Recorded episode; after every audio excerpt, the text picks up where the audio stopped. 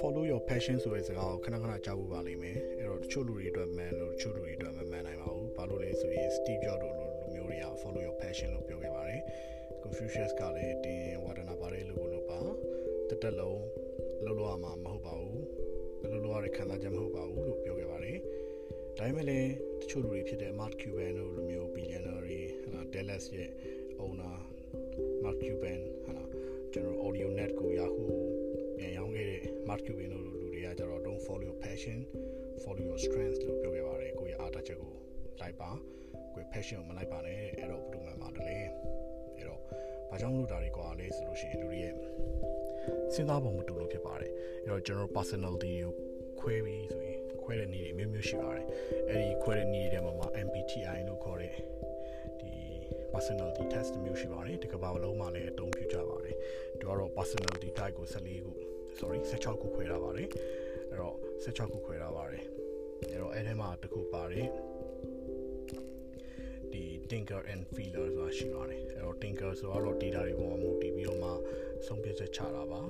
feeler ဆိုတော့စိတ်ခံစားချက်ပေါ်မှာမူတည်ပြီးဆုံးဖြတ်ချက်ချရလို့ဖြစ်ပါတယ်အဲတချို့လူတွေကြတော့ feeling ရှိမှအလုပ်လုပ်တဲ့လူတွေတချို့ကြောင့် feeling ပေါ်မှာမူတည်ပြီးသူ့ရဲ့စွမ်းဆောင်ရည်တွေအများမြင်လာတဲ့လူတွေ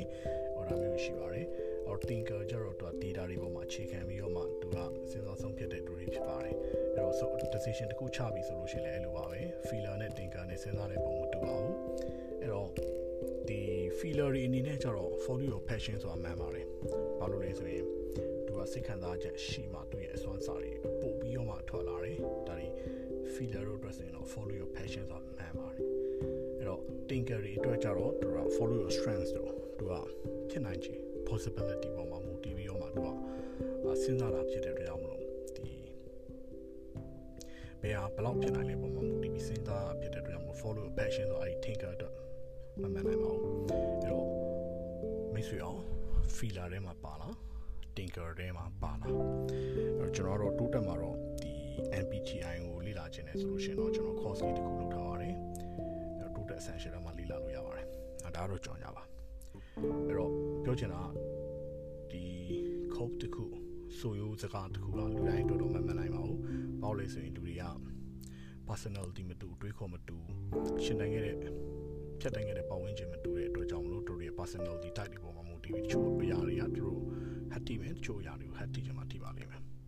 အော်ဒီနေ့ကတော့ဒီကြောင်းလေးပြောချင်တာဖြစ်ပါတယ် feeler နဲ့ thinker နဲ့ personality ကွာခြားတဲ့အကြောင်းဒီပုံမှာမူတည်ပြီးတချို့အကြံပေးမှုတွေကတချို့လူတွေအတွက်အရန်ကောင်းဝင်မယ်တချို့လူတွေအတွက်ဟတ်တီချင်မှတိမဲ့အကြောင်းလေးဖြစ်ပါတယ်အဲတော့အားလုံးကျေးဇူးတင်ပါတယ်မင်္ဂလာရှိတော်နေ့လေးဖြစ်ပါစေ